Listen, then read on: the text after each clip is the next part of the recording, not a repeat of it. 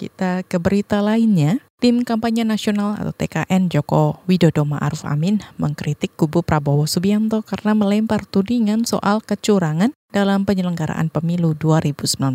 Juru bicara TKN, Aceh Hasan Syadzili, mengatakan pihak yang berwenang menyatakan adanya kecurangan adalah Bawaslu, sementara Bawaslu belum memberikan putusan apa pun terkait hal tersebut. Selain itu, kubu Prabowo memilih berkuar-kuar di media ketimbang mengajukan gugatan lewat mekanisme resmi. Pelanggaran dan kecurangan itu telah dilakukan uji oleh yang namanya Bawaslu. Kita tidak bisa menyimpulkan bahwa itu telah terjadi pelanggaran kalau misalnya Bawaslu tidak mengatakan bahwa itu adalah pelanggaran. Proses di dalam pemilu yang kita lakukan, termasuk di dalam proses perhitungan, itu dilakukan secara berjenjang. Jika ditemukan adanya pelanggaran, tentu atau kecurangan, tentu laporkan kepada Bawaslu. Sebelumnya, Badan Pemenangan Nasional atau BPN Prabowo Sandi menolak penghitungan suara pemilu yang dilakukan KPU. BPN menuding adanya kecurangan terstruktur dan sistematis dalam penyelenggaraan pemilu. Namun mereka juga enggan mengajukan gugatan sengketa ke Mahkamah Konstitusi dengan dalih sudah tak percaya dengan lembaga penegak hukum.